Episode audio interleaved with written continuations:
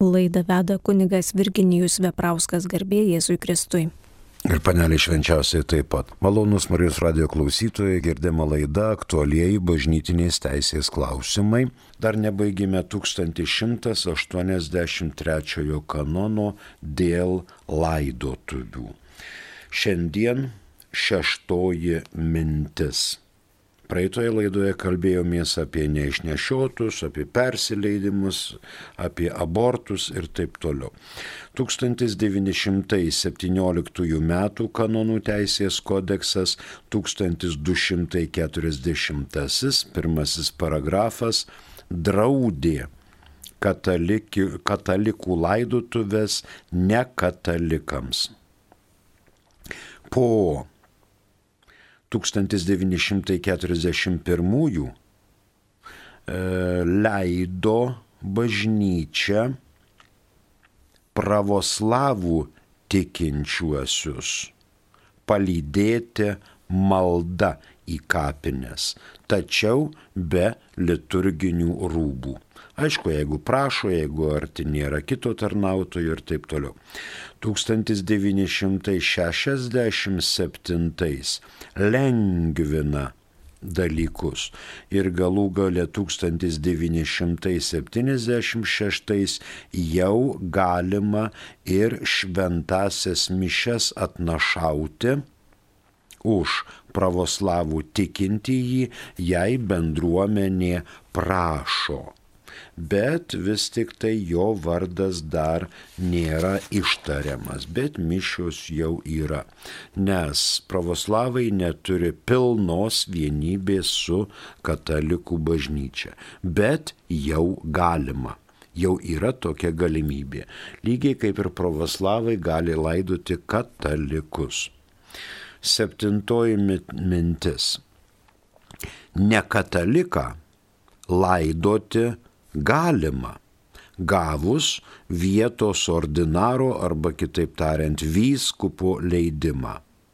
Jei asmuo gyvendamas neprieštaravo tam arba akivaizdžiai nesipriešino katalikų bažnyčiai. Ir tuo pačiu, jei savas tarnautojas nėra pasiekiamas mums į pagalbą ateina 844 kanonas antrasis paragrafas.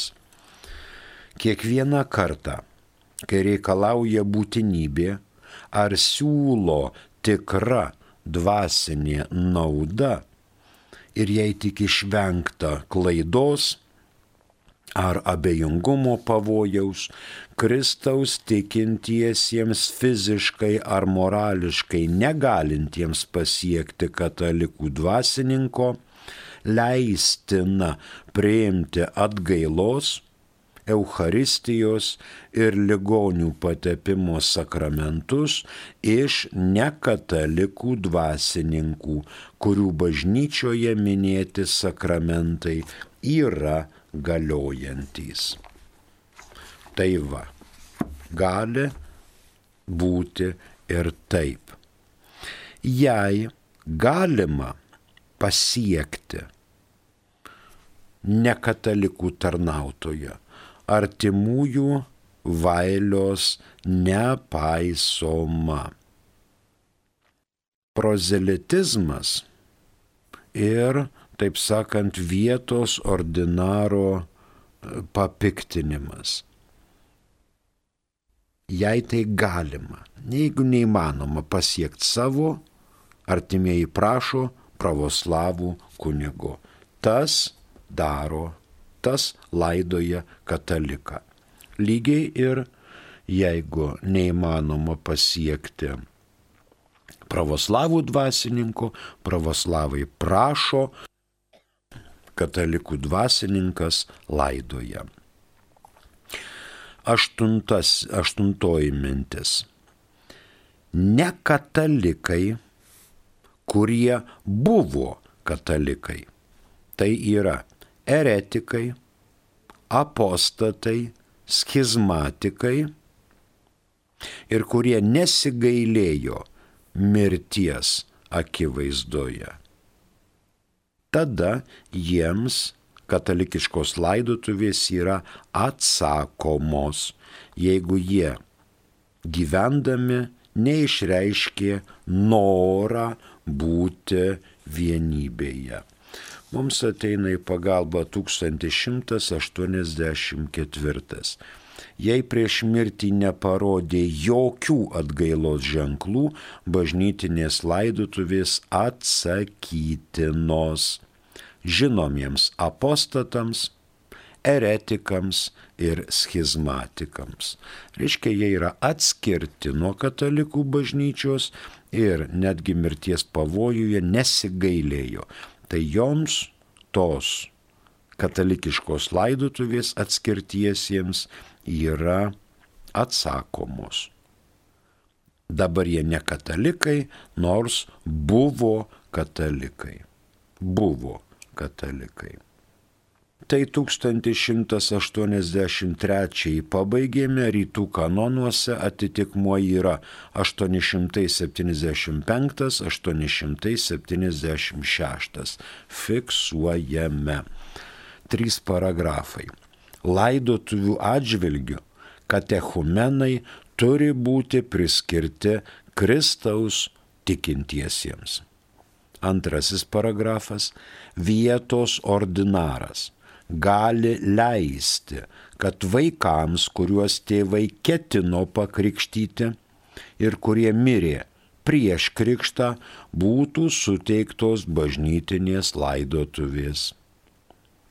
Trečiasis paragrafas - pakrikštytiesiems, kurie priklauso kitai nekatalikiškai bažnyčiai ar bažnytiniai bendruomeniai, išmintingu vietos ordinaro sprendimu gali būti suteiktos bažnytinės laidotuvės, jei nėra žinoma, kad apie jų priešingą valią ir tik tada jai negali dalyvauti savas tarnautojas. Kitas kanonas 1184 yra du paragrafai. Jei prieš mirtį neparodė jokių atgailos ženklų, bažnytinės laidotuvės atsakytinos žinomiems apostatams, eretikams ir schizmatikams. Pasirinkusiems savo kūno kremavimą dėl krikščioniškajam tikėjimui prieštaraujančių priežasčių. Kitiems žinomiems nusidėjėliams, kuriems negalima suteikti bažnytinių laidotuvių be viešo tikinčiųjų papiktinimo. Ir antrasis paragrafas, esant bet kokiai abejoniai, turi būti atsiklausiama vietos ordinaro, kurio sprendimo privaloma laikytis. Tai maždaug dėl pirma mintis. Buvo 1917 m. kanonų teisės kodekse kanonas 2291. Numerėlis 5. Tai yra ne bausmė, o žmogaus pagerbimas kuris pats save atskyrė nuo bažnytinės bendruomenės. Turėjome omeny apostatai, eretikai ir schizmatikai. Jeigu jie patys atsiskyrė nuo bažnyčios ir paneigė kokią nors tikėjimo tiesą, paneigė arba mokslą kitą skelbė, tai bažnyčia taip pat pagerbė tokį žmogų, tokį asmenį, kuris pats save atskyrė nuo bažnytinės bendruomenės. Tai pasiekmė, jo gyvenimo būdo pasiekmė. Dėl krikščioniškų reikalavimų jam negali būti suteiktos katalikiškos laidotuvės. Gyvam esant visuomet yra galimybė pasitaisyti, o po mirties tos galimybės jau nėra. Tai nėra bažnyčios valdžioje. Dabar antra mintis. Kas yra tas apostatas, eretikas, schizmatikas? Mums ateina į pagalbą 751 kanonas. 751. Erezija vadinamas atkakulus neigimas po krikšto prieimimo kokios nors tiesos kurią privalu tikėti dieviškuoju ir katalikiškuoju tikėjimu. Ar atkaklus abejojimas? Ja. Apostazija - visiškas krikščioniškojo tikėjimo atmetimas. O schizma - pavaldumo popiežiui arba bendrystės su jam pavaldžia bažnyčios, pavaldžiais bažnyčios nariais atsisakymas. 751 mums pateikia apibrėžimus, kas yra apostazija, kas yra schizma, kas yra erezija. Toliau 1300 21 1330. Ten yra pažymėtos bausmės. 1321. Niekas nebaudžiamas, jei jo padarytas išorinis įstatymo ar įsakymo pažeidimas dėl apgaulės ar kalties nėra sunkus. Ir taip toliau pasiskaitysit keletą kanonėlių. Dar yra mintis 1364.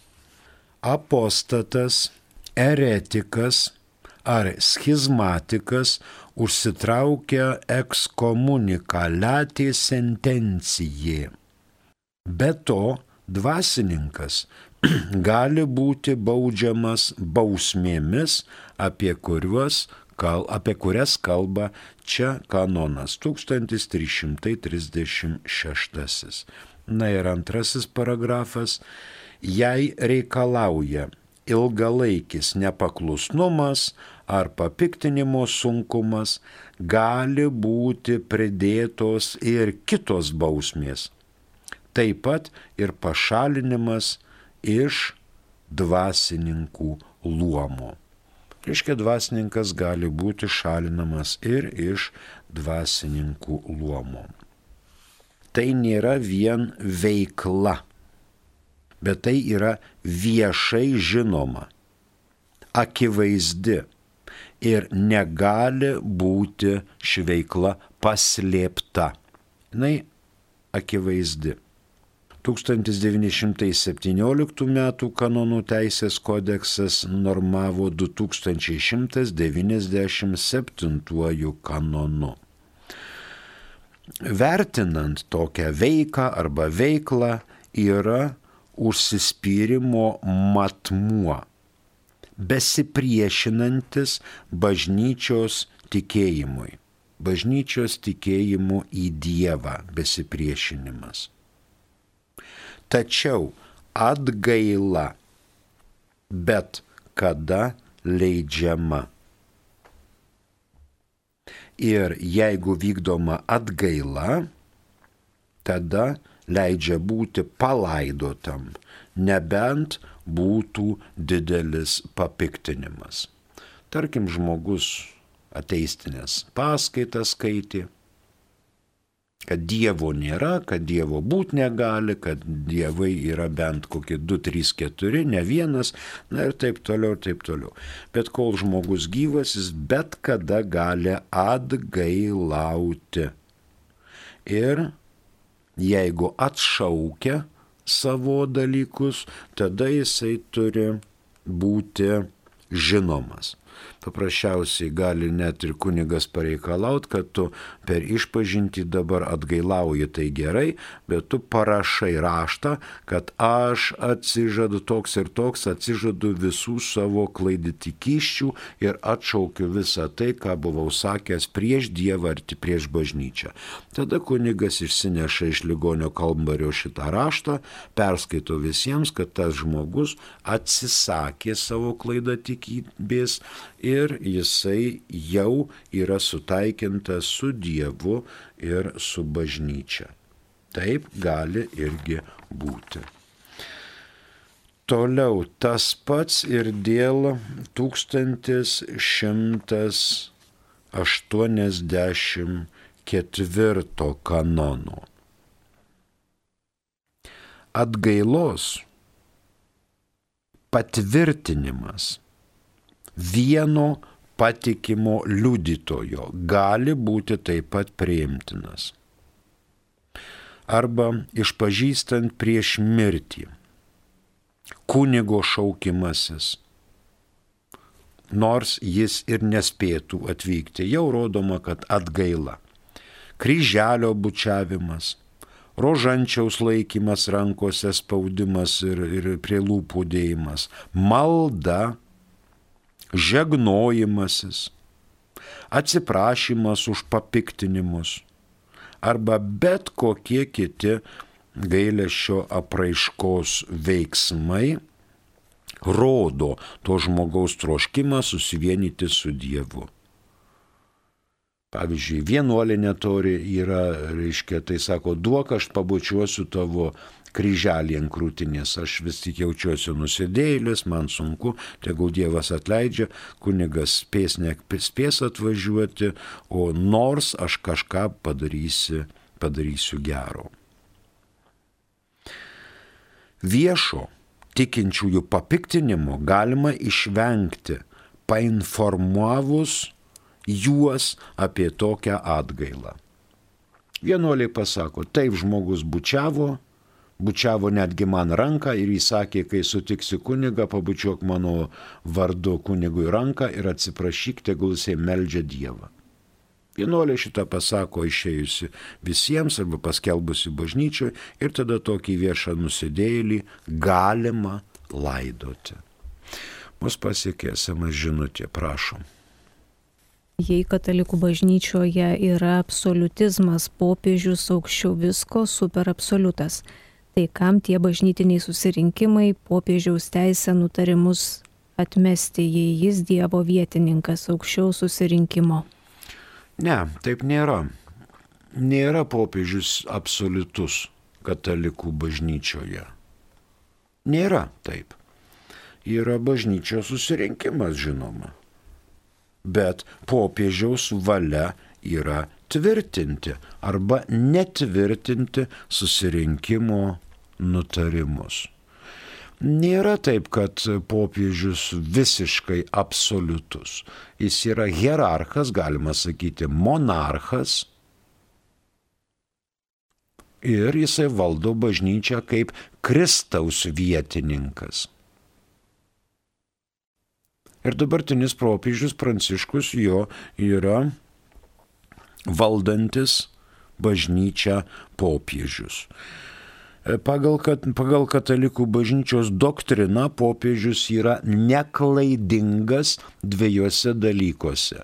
Kai jisai kalba apie moralę ir tikėjimą.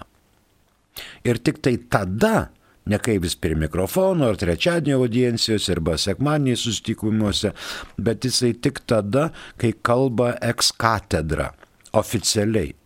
Aš kaip Romos katalikų bažnyčios galva tvirtinu tai ir tai.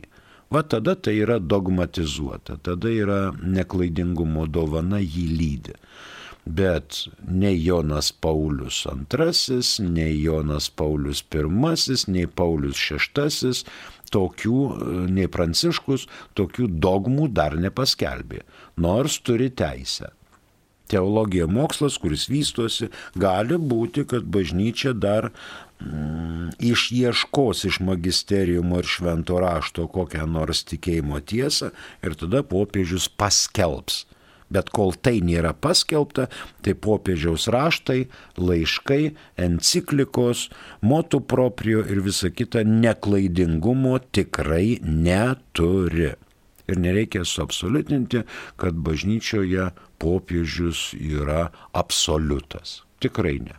Autoritetas jo, bet ne absoliutas. Ačiū. Prašom, kitas klausimas. Garbėjai Kristui, kokie galimi laidojimo būdai šiuo metu bažnyčioje?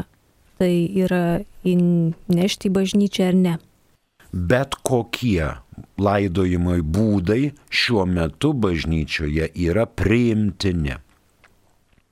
Galima karstą iš namų nešti į bažnyčią, iš bažnyčios į kapines. Visur lydi kunigas. Iš namų į bažnyčią, iš bažnyčios į kapines. Gali būti, kad iš bažnyčios karstas nešamas kunigo lydimas tik į kapines. Gali būti, kad Pradžioje karstas laikomas kapinių koplyčioje, ten atnašaujama šventųjų mišių auka ir karstas lydimas kunigo į kapines. Gali būti, kad iš tolimo miesto arba iš, iš kitos valstybės urna drauge lėktuvas atvežė urną ir artimieji prašo, mes paimam nuo trapo urną, kunigė tu pasitikė, pasitinki, arba mes atvežam į kapines, tu čia pasitinki, palaidojame. Taip ir tai galima. Galima išlydėti tik iš namų. Pavyzdžiui, kunigas išlydi iš namų urną arba karstą, o žmonės patys pasilaidoja kapinėse. Gali ir tai būti. Bet koksai laidojimo būdas, kai dalyvauja kunigas savo užtariamąją maldą bažnyčios vardu, yra priimtina. O dabar nešti į bažnyčią, ne nešti, tai dažnai priima sprendimą klebonas. Tarkim dabar nešalta, bet jeigu yra minus 30, atlapok visas duris tai minutės bėgyje pasikeičia oras ir visa šiluma išeina, šaltis ateina. Ten 50 žmonių pritrempė sniego. Valytoja vėl reiškia rūkščių veidų žiūri, valykit kojas, valykit kojas, čia sniego nešat man ir taip toliau, taip toliau. Tai yra praktiniai dalykai, kur žiūrima, kaip tas bus daroma kiek tai realu būti taip arba anaip. Tada iš šarvojimo salės tiesiai į kapines, o ryte pamaldos užmirusį. Priimtina, priimtina. Ačiū. Dar vienas klausimas, prašom. Gražvydas iš mm. Vilkaviškio. Kaip galima atsisakyti nuo katalikų bažnyčios tikėjimo, ar tai būtina daryti oficialiu raštu klebonui? ir kaip vėliau būti priimtų atgal, jei norėčiau prieš mirtį būti palaidotas krikščioniškai. Labai malonu, gražydai, dėl jūsų tokių norų. Čia yra toksai mėtymasis. Atsisakyti katalikų tikėjimo galima, kaip jūs girdėjote, nepraktikuojant tikėjimo. Tikrai nėra būtina daryti oficialių pareiškimų, raštų, klebonui, ten dar kam nors. Po jūsų mirties vis tiek artimieji eis pas kleboną ir sakys, palaidokit gražvydą, nes jis buvo krikštytas katalikų bažnyčioje. Klebonas nieko apie jūsų intencijas nežinodamas, jūs, aišku, gražiai ir iškilmingai laidos, uždegs daug žvakučių ir užžiebs daug lempučių bažnyčioje.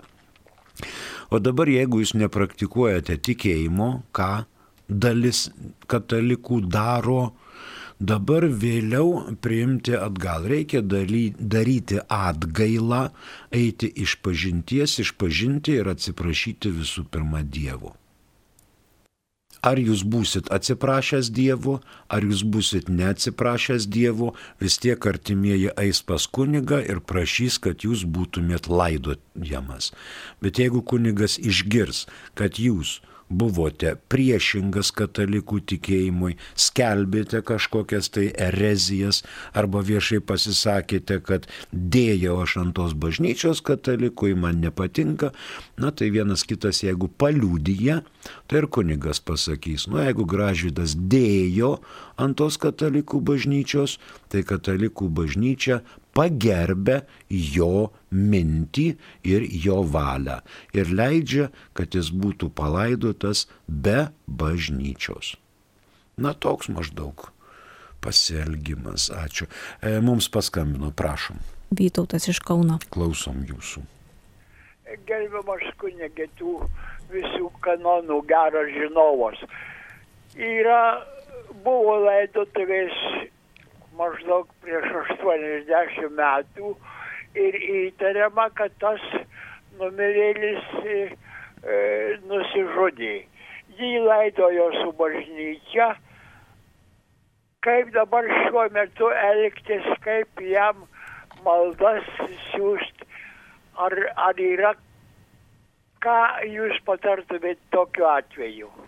Ačiū Jums, ačiū Jums, ponas Vytautai.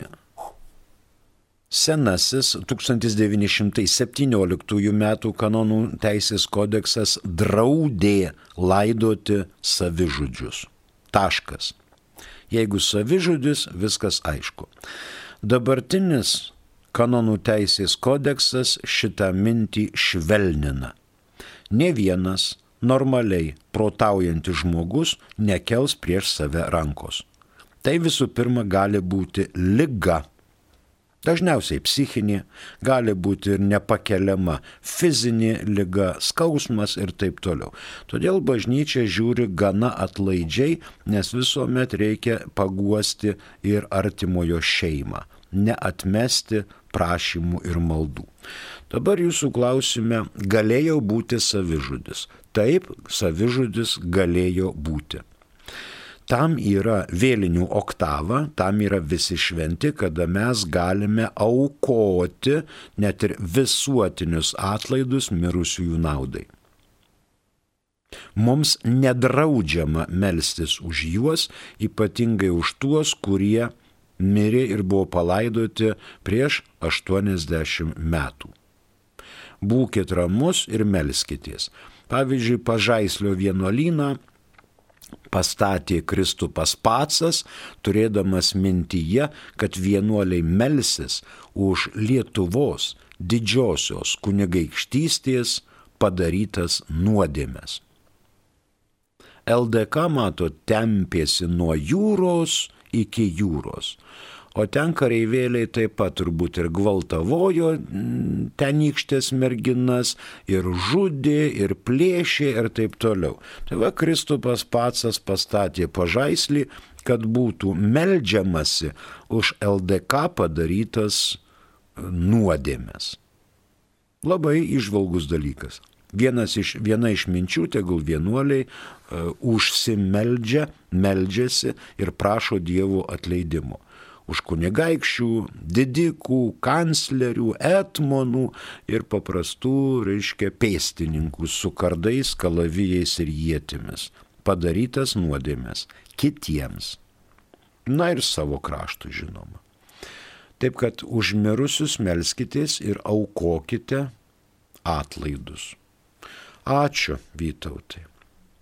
Kitas klausimas jei už apskrito stalo susėda visų religijų adeptai, apologetai, visi teologiškai pasikaustę, kaip nustatyti, kurio tiesa, juk kelių tiesų nebūna. Tai būna paprastai viena tiesa, tik tai būna interpretacijos. Vieni sako, kad yra vienas Dievas, kiti sako, kad yra du Dievai. Krikščionys sako, kad pirkėjas ir išganytojas Jėzus Kristus jau gimė, Mozės išpažinėjai arba žydų tikėjimas, jeigu juos taip galima pavardyti, sako, kad atpirkėjas dar neatėjo į žemę. Na tai dabar gali tada susiginčyti ir putos iš burnos, vieni sako, atėjo išganytojas, mes randame išganytoją Jėzaus Kristaus asmenyje, kiti tvirtina, kad išganytojas neatėjo dar. Dar mes laukiame. Laukiame, laukiame, laukiame. Nors laukdami matom, kad jau 2000 metų nėra pranašo. O išrinktai tautai Dievas vis skirdavo kiekvienu laiku pranašus. Dabar irgi, kai sunkus laikai, turėtų būti pranašas. Bet pranašo nėra ir todėl jau abejojama, gal tikrai pramiegojom mesiją arba atpirkėją. Musulmonai O jam vienodai rodo, ar jis atėjo, ar neatėjo, ar bus, ar nebus. Jie sako Allahu Akbar. Ir gyvena pagal valią. Taip kad čia, žinot, susėsti, ginčytis, čia ne. Adeptai, apologetai. Tegu sėda, tegu kalba. Aš nieko prieš. Ačiū, dar klausimą turim, prašom. Garbėsiu Kristui. Jeigu sudaryta sutartis po mirties paukoti kūną mokslui, ar kunigas gali ateiti prieš išvežant kūną palydėti? Taip gali. Taip gali. Kiek ten iš to kūno liko? Taip gali.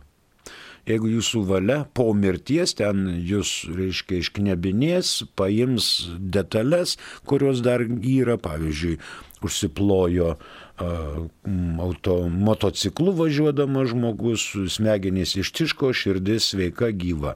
Atvažiavo greitoji, pažiūrėjo asmens kodą, pasakė, kad jisai ištraukė širdį malūnsparniu, kur reikia į Rygą, į Varšuvą arba į Vilnių ir kitam žmogui sodina.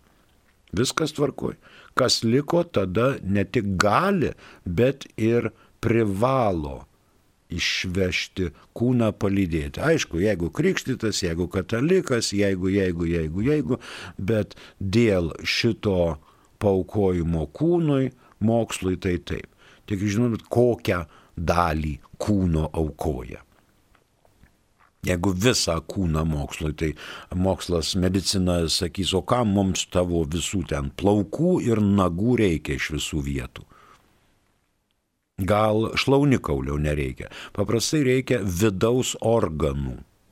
Kepenų, inkstų, širdies, dar ko nors, kas ten labai reiškia, labai eigoje. Smegenų niekas neperkelinėja dar kol kas. Ačiū už klausimą. Prašom, dar turime. Malonu. Kunigė ir aš ir jūs tikrai žinote, kad dabar daugelis kunigų laidojo neatgailavusius eretikus ateistus, kadangi giminėms tai padariau. Ir joks kunigas neklausė atgailavo ar ne. O jūs žinote bent vieną nubaustą už tai kunigą, beje, o neblaivaus eretiko atgaila ar galioja. Čia yra diskusinė tema. Jūs tvirtinate net vardo nepasirašė žmogus. E, ir aš, ir jūs tikrai žinote, Dabar daugelis kunigų laidoja neatgailavusius. O iš kur jūs žinote, kad žmogus neatgailavo prieš mirtį? Tai dabar, e, na, neatsiliepia skambučių moteris, atėjo į namus, žiūri ten kvapelis kažkoks pro duris veržėsi išlaužė duris, rado moterį sukniubusią prie siurblio. Siurbliavo kilimą, va, siurbliavo namus, tvarkė, tvarkė, tvarkė, tvarkė ir rado, reiškia, greitoji ir policija palaikus, jau kvepiančius prie siurblio sukniubusius. Tai ar dabar, ar dabar galima sakyti, kad jinai net gailavo? Jinai buvo tikinčioji, vaikščiojo į bažnyčią, Ir dabar reikia sakyti, kad turėjo matyti, kad jį grįželį bučiavo, kad jinai būtų buvusi vakar iš pažinties, kad jinai buvo, matot, tokiu, vat, reiškia, laidoje net gailavusius. Eretikus ir ateistus. Kunigo malda yra tarsi mažoji kanonizacija didžioji kanonizacija, kai bažnyčia kanonizuoja, skelbia šventaisiais, ten palaimintaisiais, Dievo tarnais ir taip toliau. O dabar jūs tik džiaukitės, kad kunigas meldžia Dievą. Kunigas yra ne šiaip socdarbuotojas arba socialinių paslaugų koksai klerkas. Kunigas turinti šventimus, jis pašvestas maldai. Jis yra tarpininkas tarp Dievo ir žmonių. Ir jis už tą nusidėjėlį, pavyzdžiui, meldžiasi. Ir praveda maldas ir aplinkiniai meldžiasi už tą žmogų. Tai jūs tik džiaukitės, kad kunigas meldžiasi už tą žmogų. Ateistą, eretiką, Jeigu ateitų pas mane ir sakytų, va mes turim eretiką, bet norim jį laidoti, tai tada kyla klausimas, o ką jis paskelbė, o ką jis galvojo, o kokios jo mintys reiškia. Jeigu pamatė, pavyzdžiui, kuniga einantį girtą ir parodė pirštu, ei, kunigas girtas eina, tai kitiems atrodo, kad čia erezija. Čia ne erezija, nu, eina kunigas ir eina girtas, nu įsiblaivys ir palaidos paskui tave arba kitą. Baisu čia daiktas. Eretikus, ateistus. Na, giminės visuomet kviečia kuniga laidotuvėms, prašo. O kunigas privalo klausti, ar kviestas buvo kunigas prieš mirtį. Ir ten metrikų knygose yra klausimas, ar prieimė ligonių sakramentus. Nu, žmonės sako, staigi mirtis. Staigi mirtis. Nespėjom. Arba ligoninė neprileido, COVID buvo. Kokį čia kunigą kviesi, jeigu daktarai su, su maskėm, su kombinizonais, su skafandrais ir neleidžia nieko, sako, mes kovojam žmogaus gyvybę. Kunigui čia ne vieta, mes draudžiam, negalim. Ir paskutinė mintis, nežinau, nei vieno nubausto už tai kunigo, nes už tai sankcijų, bausmės sankcijų nėra. Pats paskutinis ar neblaivaus eretiko atgaila galioja. Jūs man pasakykit, kas yra blaivus, kas yra neblaivus. Vieną šimtą gramų padarė, jau vapalioja liežuvį neapverčia, kitas litrą užsipylė ant galvos arba nors siemkę ir sėdo į mašiną nuvažiavo. Bet kas yra blaivus, kas yra neblaivus. Čia daug diskusinių temų. Bet mūsų laikas išseko. Ačiū Jums už klausimus. Mėla malonu buvo su Jumis pabendrauti. Prie mikrofono dirbo kunigas Virginijus Veprauskas. Ačiū ir sudie.